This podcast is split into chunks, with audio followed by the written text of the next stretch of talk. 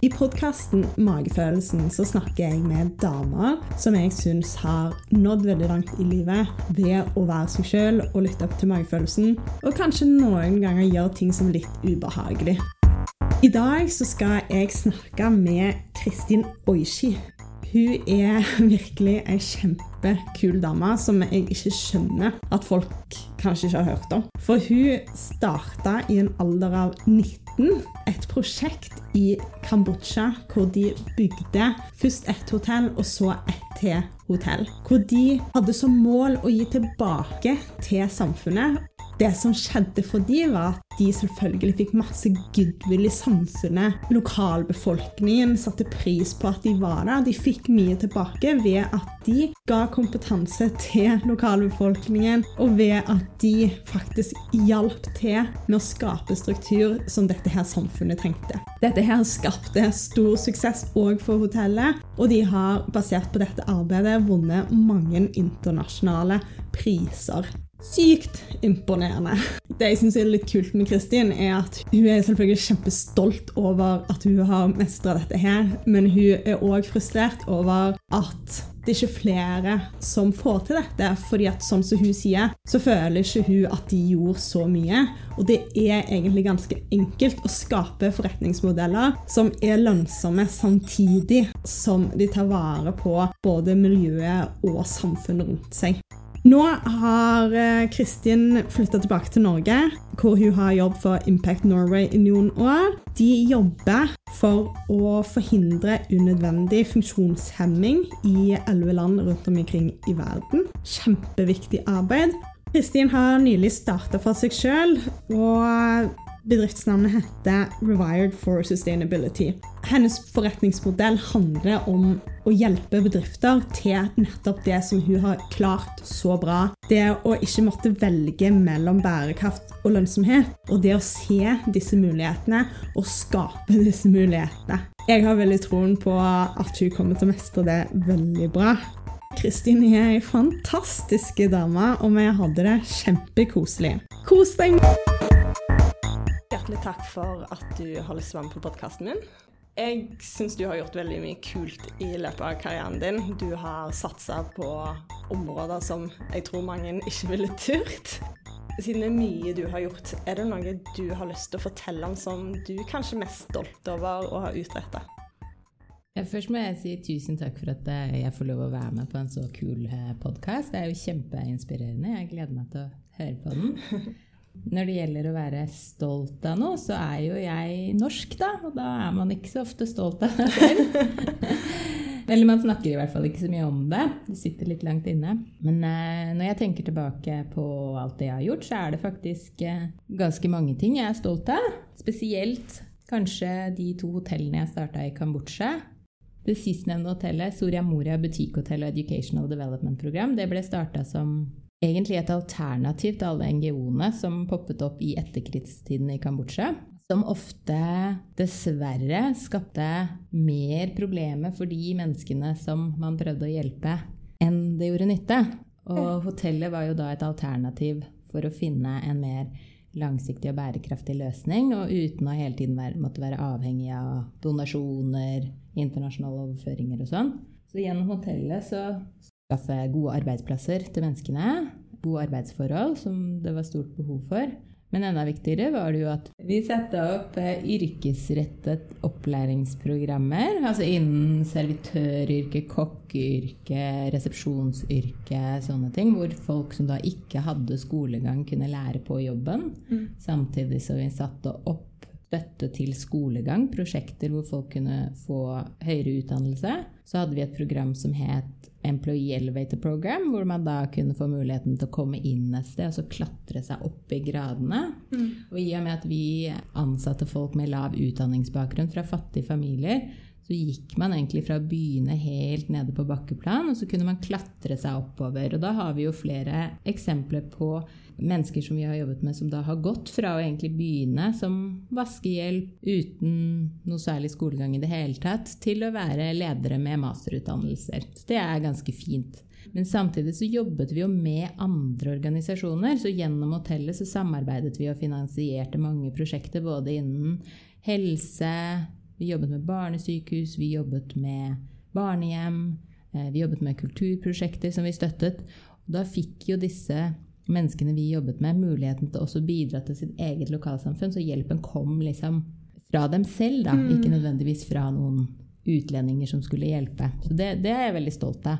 Det hører jeg òg er en av de beste måtene å faktisk drive med bistand, er å lære folk å ta vare på seg sjøl og bygge opp ting. Sånn at når du drar, så kan de videreføre det de har lært, og kanskje hjelpe andre. Og så får det sånn eh, ping-pong Nei, hva det heter sånn På sånn sommerfuglslag, vingeeffekten. Ja, vingeeffekt, ja. Mm. Det, det blir mye større enn seg selv. Nei, så, så var det en periode vi fikk veldig mange anerkjennelser og priser for dette. Da. Så det var jo veldig stort når vi fikk anerkjennelse fra World Travel and Tourism Council i den Tourism for Tomorrow Award. Vi vant jo World Responsible Tourism Award. Vi vant Wild Asia Responsible Tourism Award. Vi vant Conde Nest World Savers Award. Altså det var så mye på en gang, da. Og jeg tenkte jo at det, det var jo veldig fint at et bitte lite prosjekt med 40 rom og 70 personal sånn totalt med alle vi jobbet med, eh, fra da vanskeligstilte bakgrunner, kunne få dette her som alle disse store hotellkjedene med masse ressurser kjemper om å få hvert år. Så, så det var veldig stort. Men samtidig så fikk det meg altså til å tenke på at bransjen må være veldig kynisk. For i mitt hode da, så gjorde vi ikke så mye at det skulle få liksom så mye kredibilitet over hele verden. Og det fikk meg egentlig til å tenke ganske mye. Sånn at når jeg flyttet hjem til Norge f.eks., så var det et valg jeg måtte ta om jeg skulle da velge å jobbe videre i denne bransjen, eller gjøre noe helt annet som var mer altså, overens med mine verdier. Da. Så- Så det var en tankevekker også. Ja. Har det gått greit å flytte hjem? og Det må ha vært en ganske stor kulturforskjell. Og, Ja, kulturforskjellen var jo veldig stor. Eh, en ting jeg savner, det er jo denne eh, kulturelle biten som i Kambodsja, og egentlig i mange buddhistiske land, så har man et ord som heter mutita, eller mudita heter det på sanskrit. Men det betyr at man føler glede. Ikke på vegne av, men man føler glede selv fordi noen andre gjør det bra. Og den heiekulturen der, det var veldig fint å bo med og, og leve med i ti år. Da, og få det liksom inn sånn på kroppen. Det savner jeg litt her hjemme. For det er ikke det at ikke vi har den følelsen her. Selvfølgelig har, føler man glede på, for andre gjør det bra her også. Men når man ikke har et ord for noe, så blir det heller ikke noe prioritet. Nei.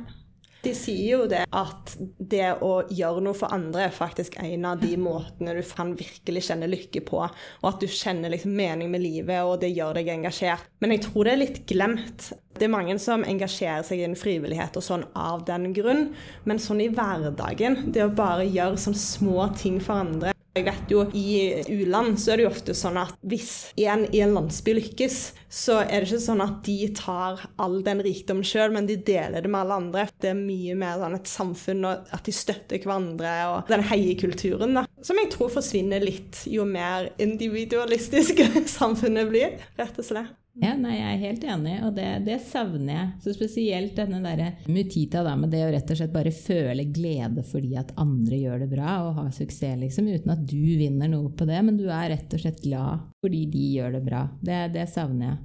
Men så når jeg flyttet hjem til Norge, så, valgte jeg faktisk å ikke gå inn i privat næringsliv. Først jobbet jeg en periode med um, innvandrerkvinner og sysselsetting av uh, innvandrerkvinner som har bodd i Norge lenge, men da med lav utdanningsbakgrunn. Det syns jeg var kjempegivende og spennende. og da hadde jeg jo også muligheten til å bruke hotellbransjen litt, da, for det er jo en klatrebransje ikke sant? hvor man kan komme inn og jobbe seg oppover.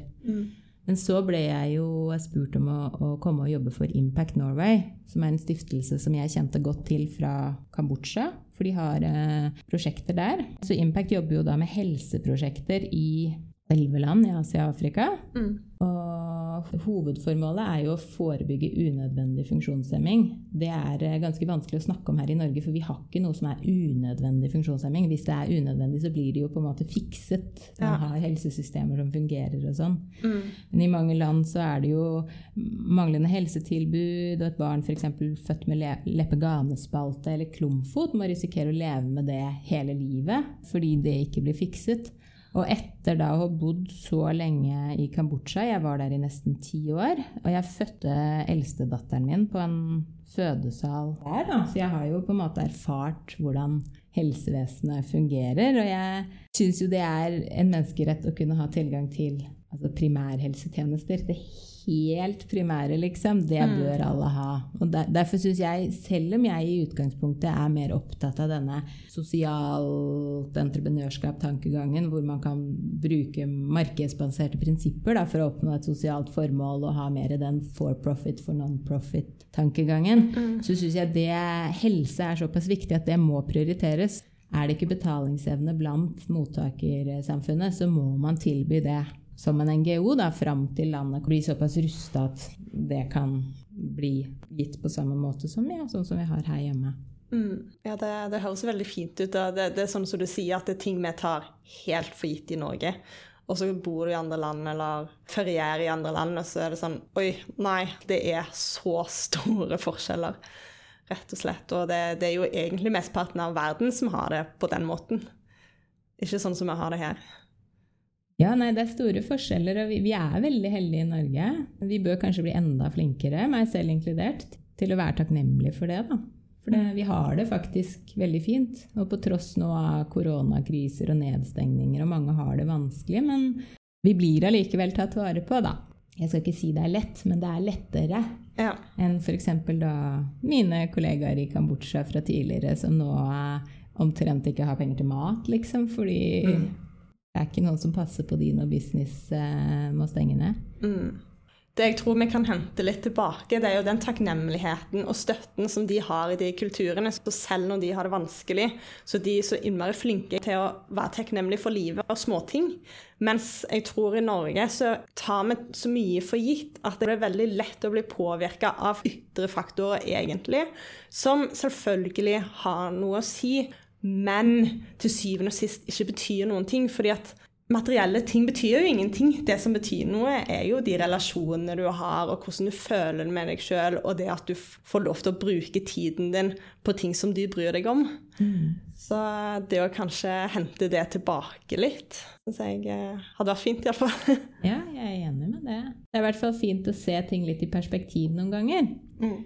Så det. Men nå har jeg jo jobbet med Impact i seks år, og så føler jeg jo da at det er fortsatt veldig viktig og riktig og, og det, men for meg som er en person som henter mye energi fra menneskene jeg jobber med, da, og er veldig intuitiv person, og så føles det å jobbe med mennesker som er på en annen, er jo en annen verdensdel, liksom, det, det føles veldig fjernt. Sånn på et personlig plan, da, så har det vært et savn for meg. Det har vært liksom en sånn at nå har jeg gått i tankeboksen om skal jeg fortsette med det fordi det er så viktig, eller skal jeg gjøre noe hvor jeg kan bidra enda mer, for det er noe jeg brenner for. For jeg er veldig opptatt av det der å komme inn i en flyt. For jeg tror hvis man kommer inn i, i en sånn flytmodus, da, da, da går all jobb så lett. Da kan man utrette så mye. Mm. Når man hele tiden har noe som driver en sånn litt hele tiden man må strekke seg etter. Og så eh, bare får man masse energi fra det, og så syns man det er så viktig det man jobber med, at man blir nesten litt sånn uovervinnelig. og Den følelsen er veldig deilig. Og jeg savner det hvis ikke jeg har det. Da blir det tungt. Da, Ja, da blir det liksom ikke så lystbetont, da, selv om det er viktig og stemmer overens med verdiene og sånn. Så jeg har jo nå valgt å starte for meg selv. Eh, Jeg holder akkurat på med det nå, men jeg er veldig glad for at jeg skal fortsette med Impact. For jeg har blitt eh, valgt som styreleder. Det er jeg jo selvfølgelig veldig ydmyk og stolt over, det også. Da kan jeg på en måte mm, fortsette med, med begge deler, da. Men da én ting på mer frivillig basis, som et verv, og én ting som en da inntektsgenererende business. Det er litt sånn i pose og sekk. Mm. Det syns jeg er kjempekult, og det kan jeg forstå òg, den flytsonen. Jeg har vært i jobber hvor det i perioder bare har vært veldig veldig vanskelig å på en måte motivere seg sjøl. Og så er det andre tidspunkt hvor jeg bare liksom Altså, tiden flyr, jeg glemmer å spise og drikke, og jeg bare har lyst til å fortsette, og jeg, jeg får nesten ikke sove fordi at jeg ligger og tenker og girer. Og så er det viktig å på en måte klare å legge til side sorg, og det er jo litt sånn en balanse, det. Men ja, det å finne sin egen flytsone og kjenne litt etter hva som er rett. Og selv om du sier det at Impact gjør veldig mye bra, så kan det være for deg at du trenger den som er på en måte nærmere. Det å på en måte se effektene kanskje litt mer i, i din omkrets, da kanskje? Er det det du mener? Ja, og så må jeg liksom føle det på kroppen, da, at de endringene som skjer, liksom det, Mm. det, det er fint å høre om de og lese i rapporter og se bilder, men når man ikke føler det på kroppen selv, så har det ikke den samme motiverende effekten på meg. Da. Så det er sikkert forskjellig fra person til person, og det, det hørtes kanskje litt utakknemlig ut også, at det gir ikke nok å jobbe med bistand i utlandet. Men jeg føler det er viktig at man, man skal ha det bra i hverdagen også, og man tilbringer så mye tid med jobb.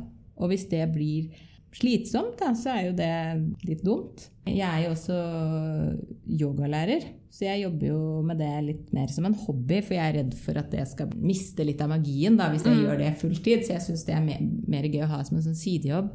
Da underviser jeg jo både til barn og voksne, men spesielt til seniorer. Syns jeg er veldig, veldig veldig givende. Så det har gitt meg veldig mye nå i, i, i perioden som jeg har vært litt i tenkeboksen på hva jeg skal gjøre. da, Og hente energi. Den eldste deltakeren min eh, på det ene yogakurset er 95 år. Oi, wow. Mm, hun prøvde yoga for første gang når hun var eh, 94. Oi. Og syntes jo dette her var så fantastisk, og var egentlig oppriktig lei seg for hun ikke hadde oppdaget dette her før. For det gjorde hun at hun både ble mer bevegelighet i kroppen, men ro i sinnet, og sov bedre om nettene.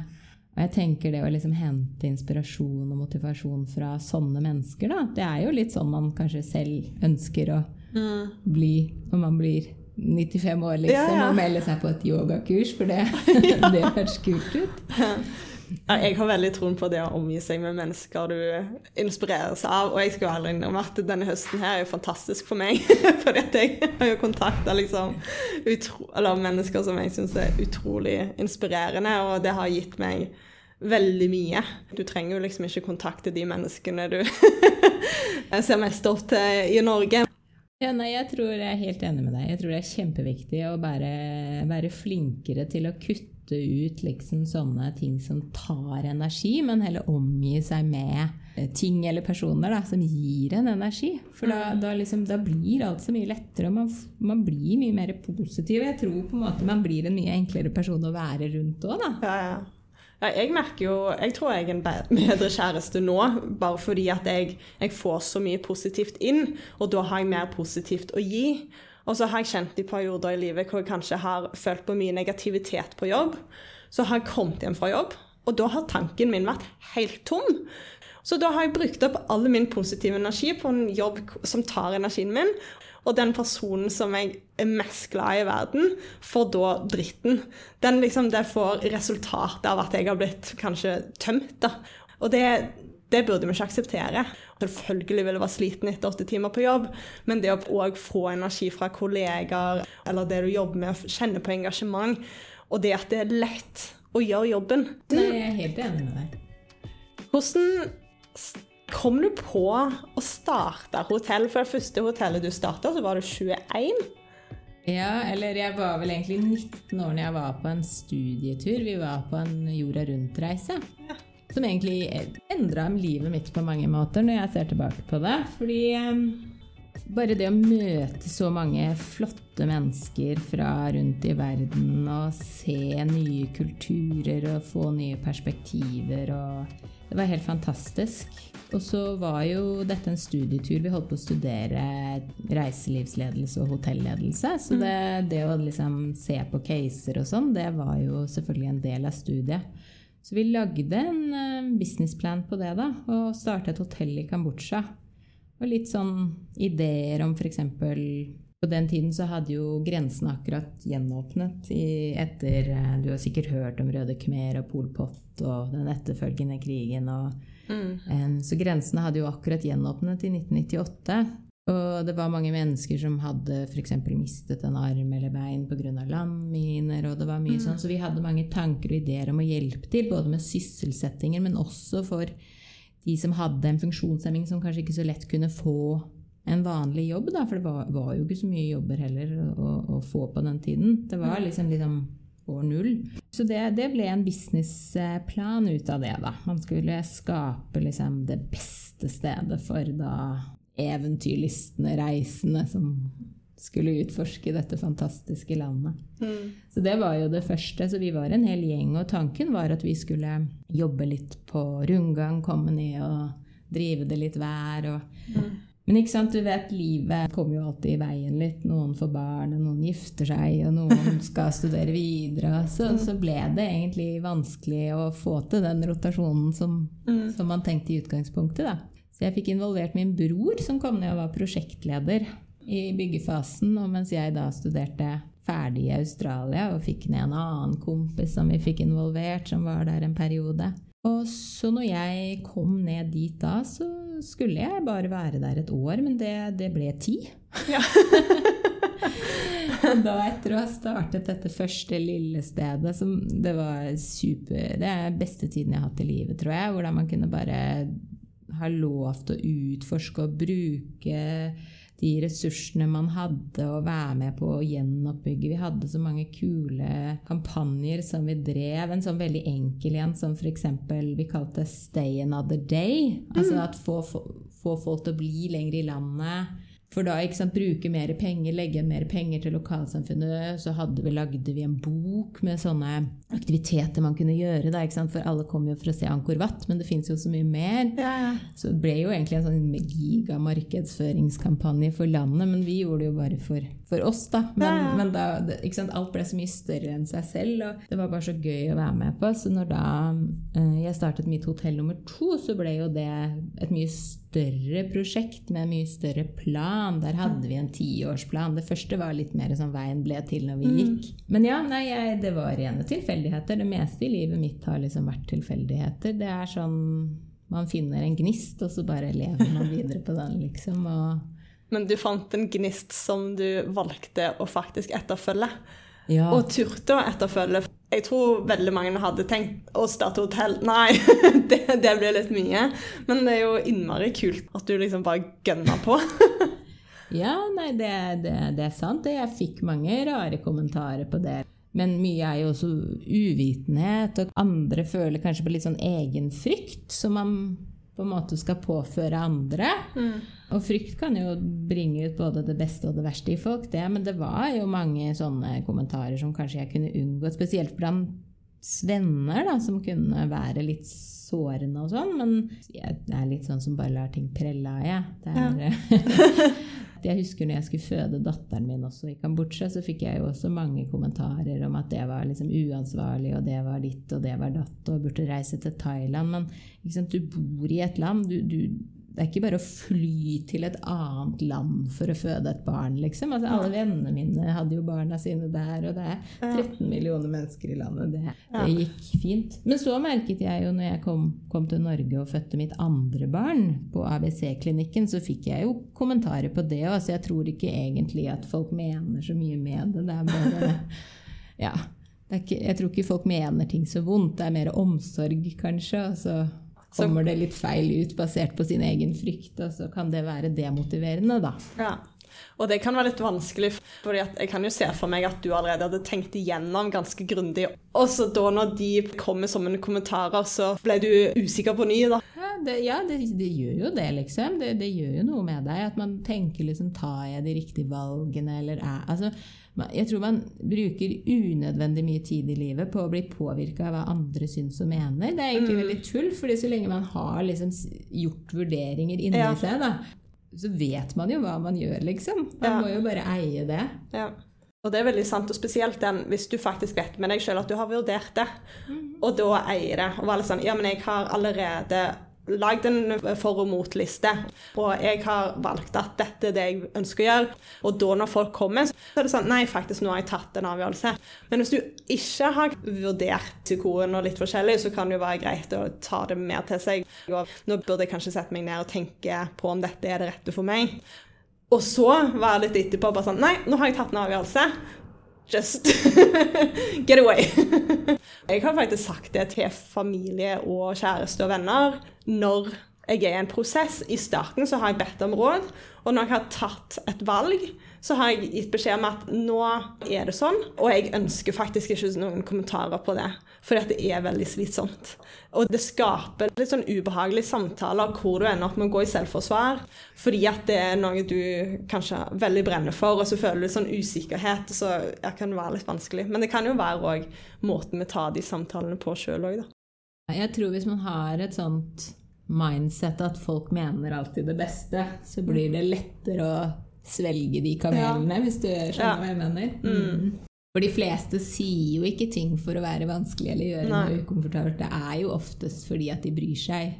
Eller selvfølgelig, det er jo ikke alltid det. I kommentarfeltet sånn, så kan man jo bli skremt av det òg, men ja. det tenker jeg ikke man skal la gå inn over seg. Altså. Sånne folk som skriver i kommentarfeltet og liksom rakker ned på folk de aldri har møtt engang, det tenker jeg det må man ikke engang bry seg om, liksom. Det, ja, det er faktisk noe jeg har tenkt på nå når jeg startet den podkasten.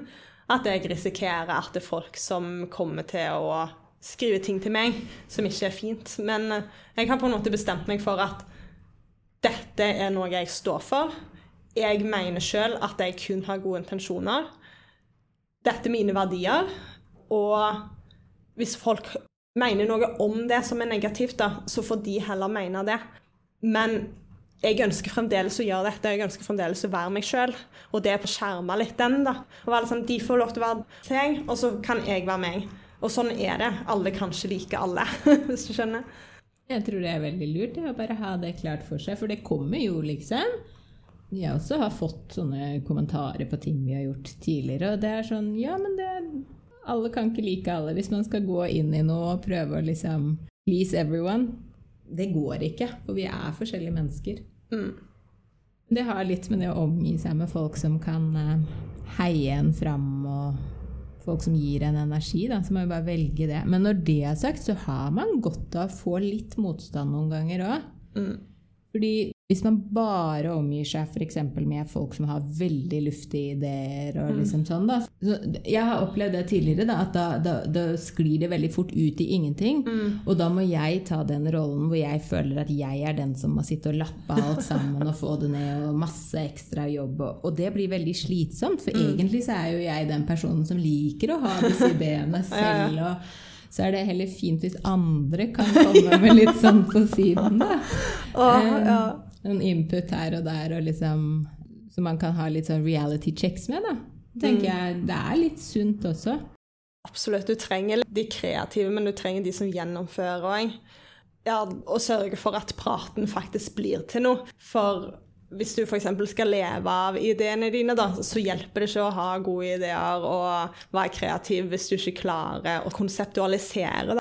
Og det kan være vanskelig. Jeg har tenkt på hva jeg har hatt lyst til å lage ganske lenge. Og det var ei venninne av meg som utfordra meg på du skal ikke lage podkast. Og det var så mange tanker oppi hodet mitt om hvorfor jeg ikke skulle gjøre det. Og så plutselig var det sånn Men det er jo et veldig åpenbart konsept å lage det på den måten, men det var bare litt sånn denne Nei, det ville jeg liksom Eller ja, det, det, var vanskelig å få det ned i en, i en boks som passa, da. Men når jeg først starta og liksom faktisk konseptualiseres, så akkurat som alle brikkene bare falt på plass, og så kunne jeg gjøre noe med det. Hvordan fant du ut at det var dette som var din lidenskap? Det er et uh, godt spørsmål. Reise. Jeg tror den turen min gjorde at jeg så på det med samfunnsansvar, bidra til noe større enn seg selv, bærekraftig forretningsdrift, at det var logisk, på en måte. Jeg vet ikke helt, men for meg så ble det sånn etter hvert. Hvis man har gode arbeidsforhold for personalet, så jobber de bedre. Da blir det bedre produktivitet. Mm. Hvis du reduserer sløsing, det er jo det egentlig sånn miljøtiltak er. Du reduserer sløsing, så vil du jo selvfølgelig få et bedre resultat og tjene mer penger. Ja. Eh, hvis du samarbeider med lokalsamfunn og støtter gode tiltak, så vil du jo få masse goodwill, og de vil jo sant, gi mye tilbake til deg og bruke ditt sted, uansett hva slags bedrift det er. Så det er liksom så mye sånn vinn-vinn-situasjoner. Det er kanskje litt klisjé å si det, men eh, for meg så er dette her så logisk. F.eks. På, på hotellet i Kambodsja så startet vi eh, noe som het One Dollar Night, som var et sånn yrkesopplæringsprogram. det bunnet egentlig ut med at vi hadde lyst til å hjelpe et barnehjem i nærheten som hadde litt problemer med Altså barn som har bodd på barnehjem hele livet sitt og blir 18, så er det ikke bare å flytte ut og stå på egne ben. De Mm. har jo ikke familie på samme måte som folk som er oppvokst i familie og sånn. Mm.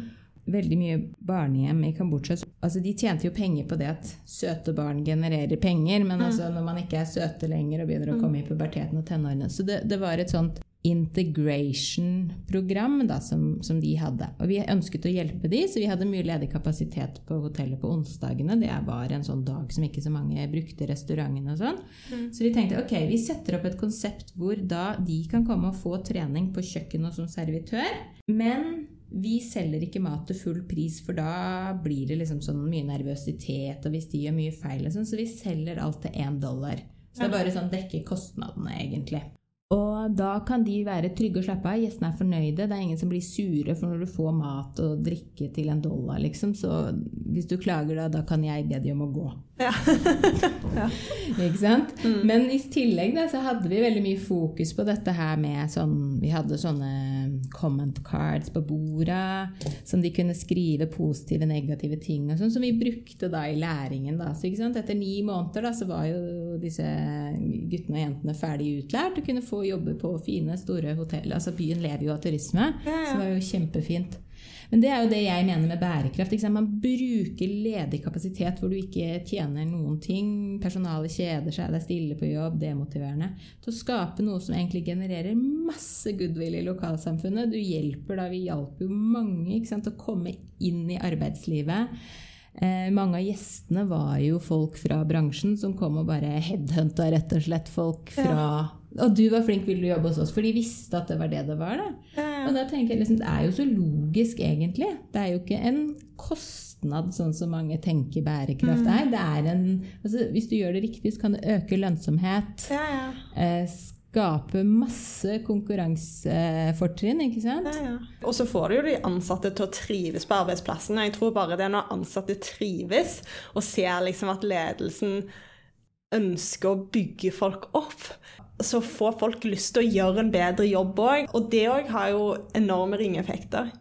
Jeg tenker det er veldig logisk. da. Så for meg, så det du spurte når jeg oppdaget det Jeg tror det var liksom da når jeg holdt på med dette her og bare testet, og vi hadde liksom ingen rammer eller noe. Vi hadde muligheter til å teste forskjellige ting og prøve og feile. og lærte masse i den prosessen. Men, men jeg, jeg oppdaget at det er så gøy når du kan skape verdier liksom, som er med på hjelpe ikke bare bedriften, da, men hele samfunnet. Liksom. Det, er veldig, det er veldig fint og gøy å være med på.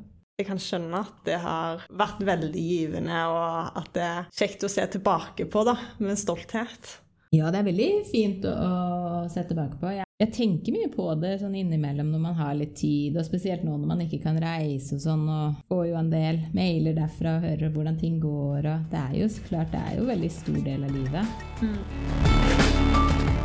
Har du noen tips til andre hvordan de kan finne sin lidenskap, men på liksom en generell basis? Hvordan kjennes det ut?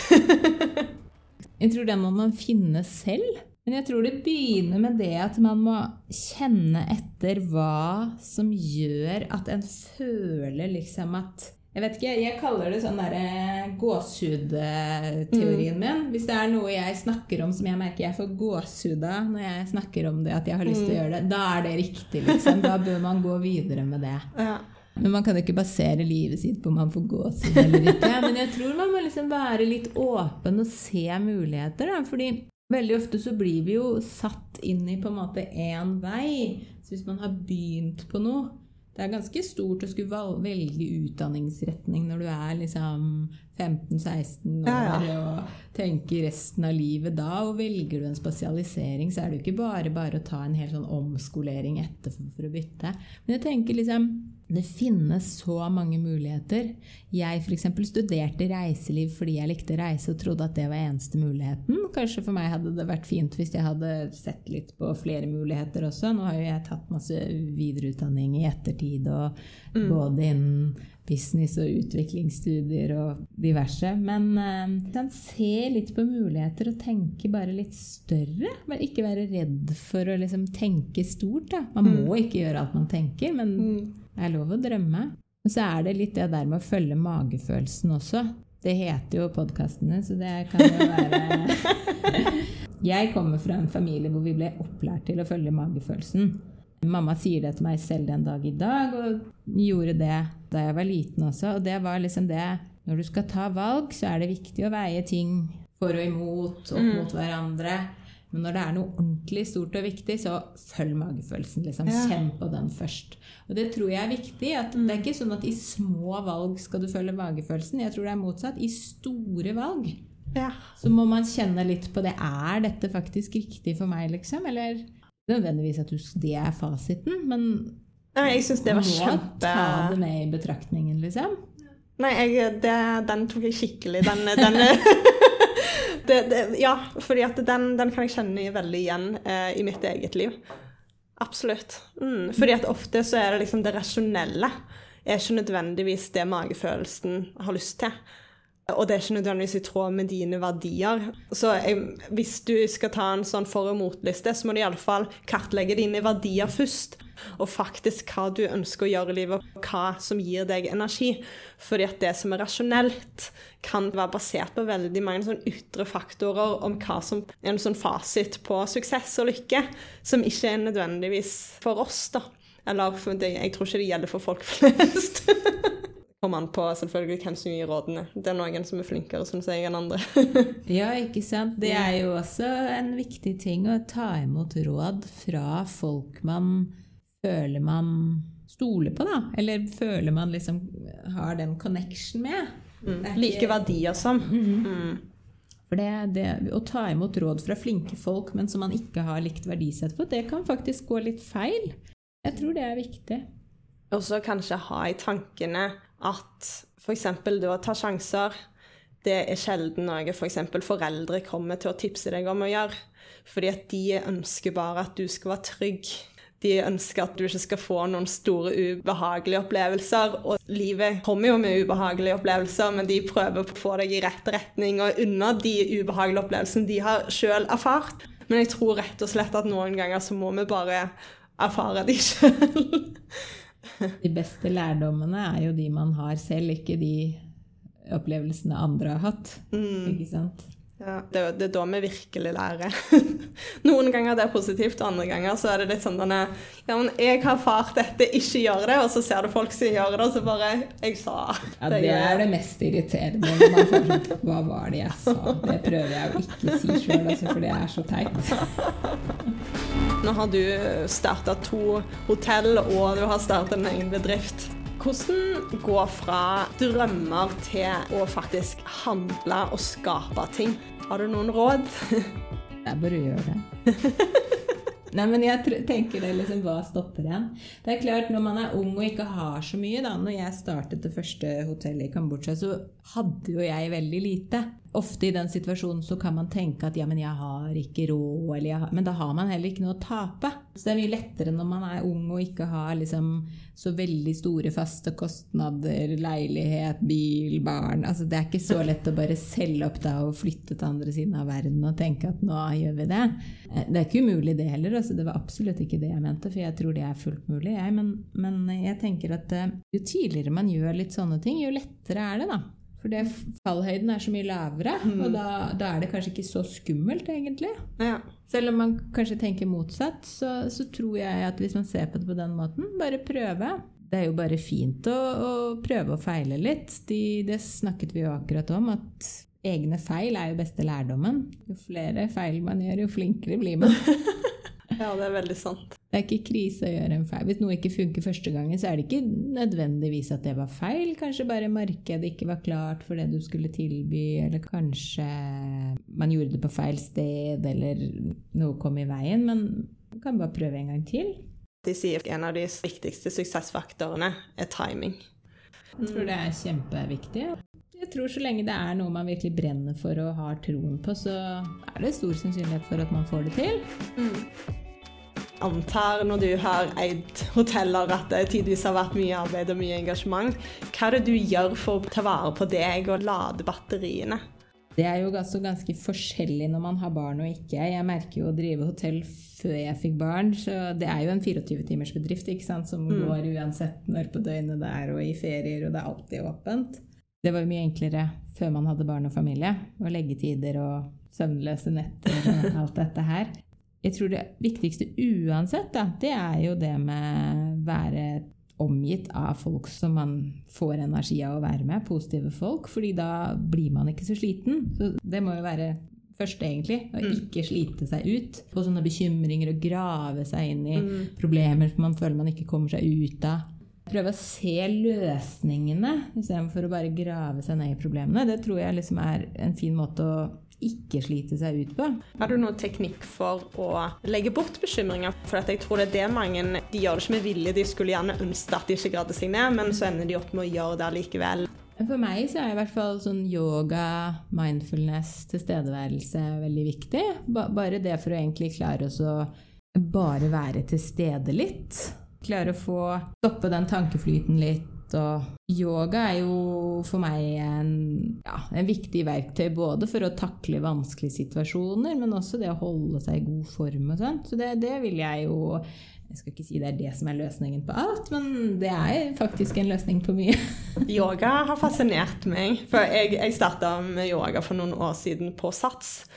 Eh, Men det er veldig annerledes enn når du går på et yogastudio og sånn. Og så var jeg i Thailand for et år siden og deltok på en sånn yoga-retreat. Og da innså jeg jo at yoga er jo ikke en treningsform. Og når jeg var på SATS, så var jeg dritirritert på at de nevnte pusten. og så Slutt å snakke om den pusten, liksom. Men etter hvert så innså jeg jo litt hvor viktig den er, og hvordan yoga faktisk fokuserer på hele deg. På sinnet og kroppen, det fysiske, men òg liksom det å strekke og, og, få ut følelser. Og faktisk kjenne på følelser og sånne type ting. Det var helt fantastisk. Og jeg ser at yoga på en måte har blitt mye mer populært. I Norge og kanskje Vesten så har det blitt sett på som litt sånn feminin greie. Men så er det jo egentlig så bra. Til og med kjæresten min sier jo liksom han stisykler mye og sier det er så bra for å tøye og føle seg ung igjen. ja, jeg tror egentlig, selv om selvfølgelig det er ikke for alle, men jeg håper at vi blir enda mer kvitt stereotypen, da. Ja, nei, det finnes jo veldig mange forskjellige typer yoga også. Alt fra veldig fysisk krevende og liksom veldig avanserte posisjoner hvor man bøyer kroppen nesten inn i sånne umenneskelige figurer. Mm. Eh, og det er også veldig fint. Og så har du jo yogatyper som nidra, som egentlig betyr yogic sleep, hvor du nesten en søvn. Mm. Du er helt inne i en sånn meditativ tilstand hvor du er våken. Så det er et ganske stort gap, og så har du alt som kommer innimellom der. Og jeg tror det viktigste for meg, i hvert fall med yoga, det er jo det der å klare å, å kjenne på ting og anerkjenne og akseptere. Og det med pusten. Pusten er utrolig viktig. Det, du kan bruke den til å få opp energi, du kan bruke den til å få ned energi, du kan bruke den til å stoppe angstanfall. Altså, det er ja. kjempeverktøy da, som jeg tenker at eh, ikke bare folk som skal følge sin magefølelse trenger, men altså veldig mange, kanskje spesielt gründere og ledere i krevende stillinger for å klare å ta bedre avgjørelser, f.eks. og bare gå litt tilbake. mm. Hvis du lurer på hvordan jeg har det, så følg med på pusten. Og om du har korte eller lange pust, fordi at det sier jo alt. Hvis du er litt stressa og anspent, så puster du veldig kort, og gjerne ned i halsen. Og når du er mer avslappa, så liksom har du mer lang pust og ned i magen.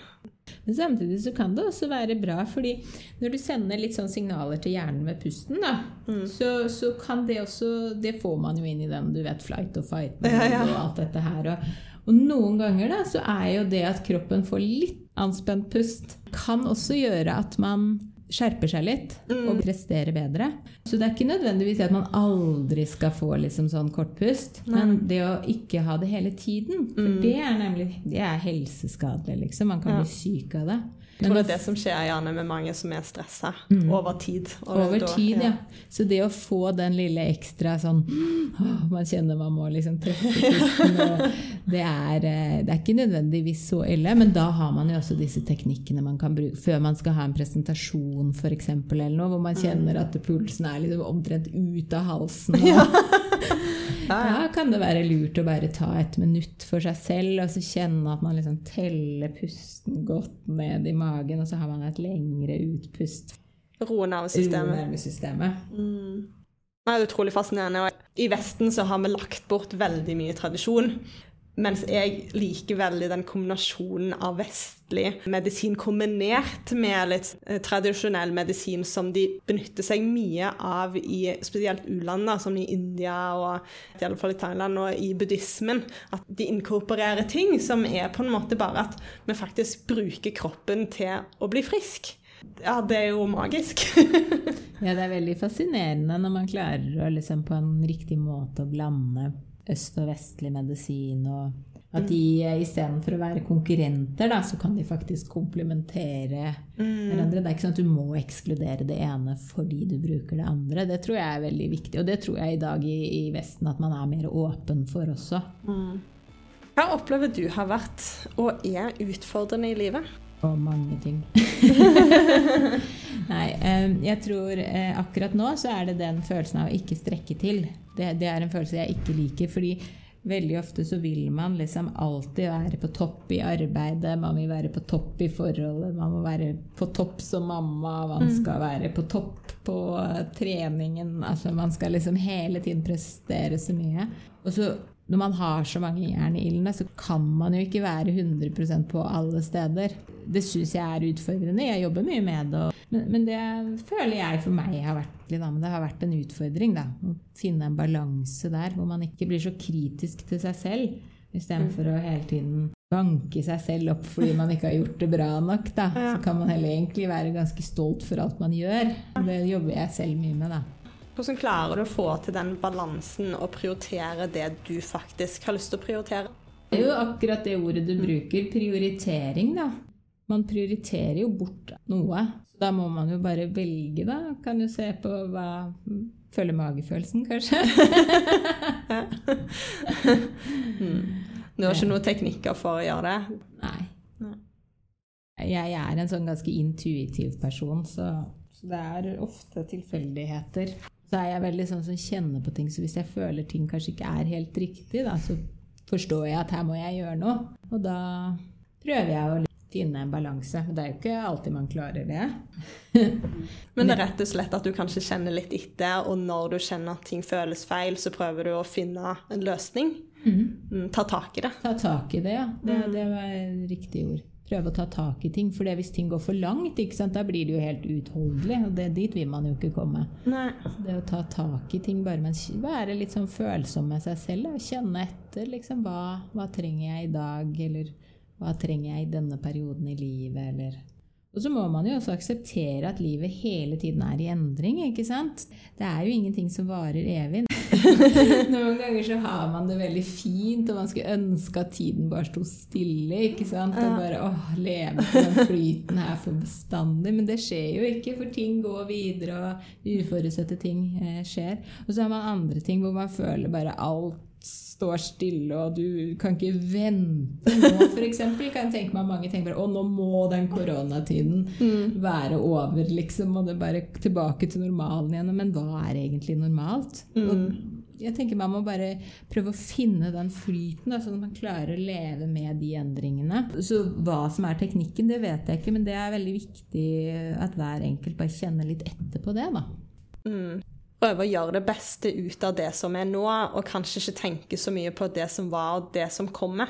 For ja, det er noe med korona, og det er jo vanskelig for mange. Veldig. Jeg skal ærlig innrømme at jeg faktisk har hatt det veldig fint gjennom denne tiden, men det lurer jeg på om òg handler om at jeg var på et stadie hvor jeg hadde bestemt meg for å lytte til mine verdier, og hvor jeg hadde bestemt meg for at jeg, det er viktig for meg å eh, pleie mine relasjoner og, og ha mer kontakt med de som er viktige for meg. Og så har jeg delt mye mer av sånn Jeg har jo presentert for familien podkasten min, som er veldig Altså, budskapet mitt er jo veldig personlig, men akkurat som de har forstått meg på en ny måte, da. Og det å inkludere folk i den jeg er, har på en måte vært litt sånn lettelse. Og akkurat som jeg bare Jeg føler de har kommet lenger inn i hjertet mitt, hvis du skjønner.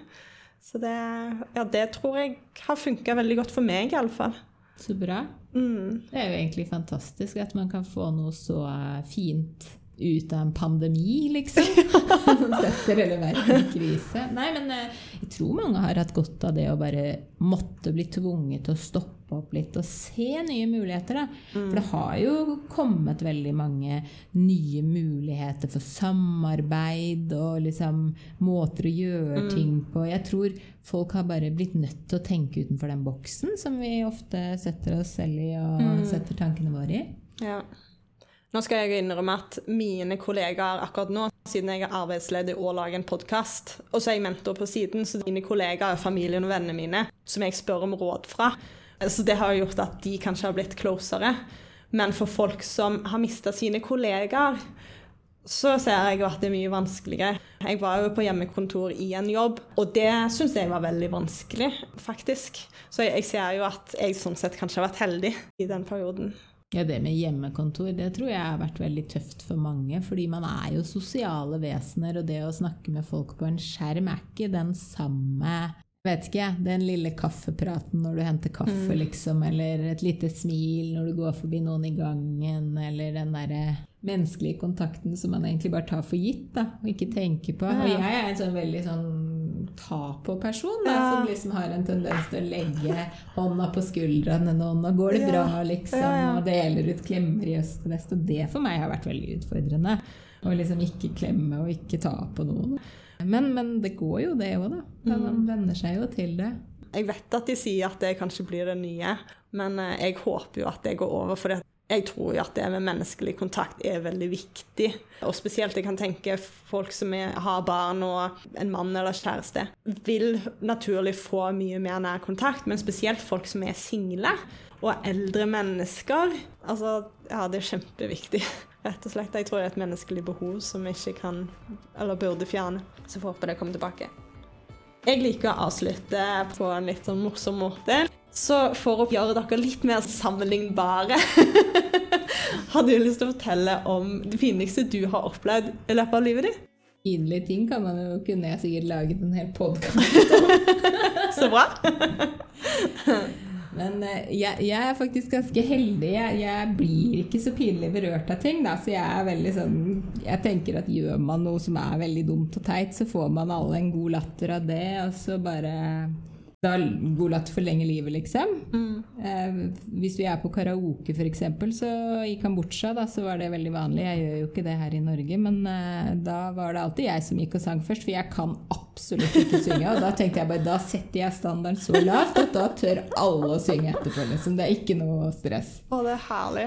For da tenker jeg, hvis man gjør seg selv litt sånn ja, Ikke tar seg selv så selvhøytidelig, da, så gjør ikke andre det heller, og da blir stemningen veldig god, egentlig. Men jeg har gjort mange ting som har blitt pinlig berørt av òg. Kanskje ikke så mye jobbsammenheng. Det kan gjerne være privat. Jeg husker, eh, jeg husker en gang jeg mista passet mitt inn, inne på en flyplass. Etter at vi hadde sjekket inn. Oh. Og da hadde jeg akkurat blitt eh, Eller jeg var ganske ny i forholdet med mannen min. da, så husker jeg en kamerat fra Norge skulle komme, og jeg skulle møte de for første gang. Og vi hadde vært på en kafé, og plutselig var passet borte, og vi skulle gå på flyet, liksom.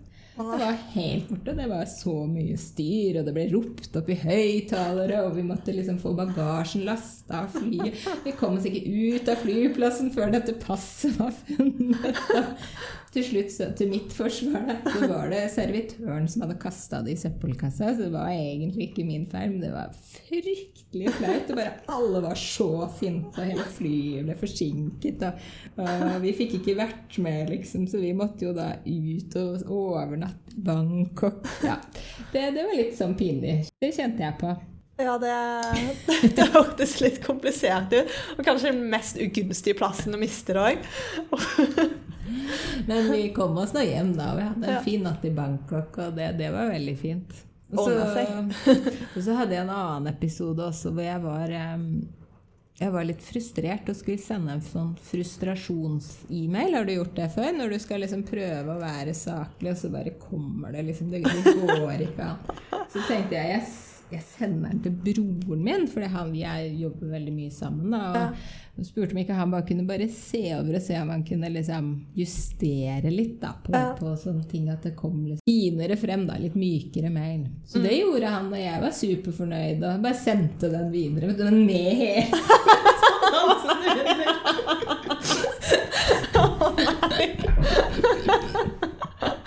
Fikk du noen kommentar på det, eller gikk det fint? Aldri. Jeg tror de skjønte poenget. Ja. Men de skjønte jo òg kanskje at du faktisk hadde gjort ditt beste for å ikke liksom ja. Nei, det, var aggressiv. Det også var litt sånn, da kjente jeg bare åh. Da, ja, da kunne jeg gått gravd meg et lite hull når jeg oppdaget det. Men uh, ja, ja. Sånn uh. Mitt triks har blitt at hvis jeg skal skrive en sånn irritert melding eller mail, eh, så skriver jeg den først, og så sletter jeg den, og så skriver jeg den på ny. Men det er veldig viktig å ikke legge til avsenderen før du begynner å skrive, sånn at du ikke sender den feil. Jeg har gjort det med SMS, at det er litt sånn der den bare skriver sånn Og så plutselig bare kommer du borti denne sender knappen og bare Nei! Nei! Eller gjør de sånn, sånn notatdokument først, og så heller copy-paste. Det er liksom denne for å være på den syke siden. Åh, nei. Den, den ser jeg godt. Det var veldig hyggelig å ha deg med. Utrolig spennende tips og historie du har. Jo, takk. Det var veldig hyggelig å være med òg. Nå gleder jeg meg til å høre på alle de andre du har snakket med også. Det blir jo kjempeinspirerende. Det var.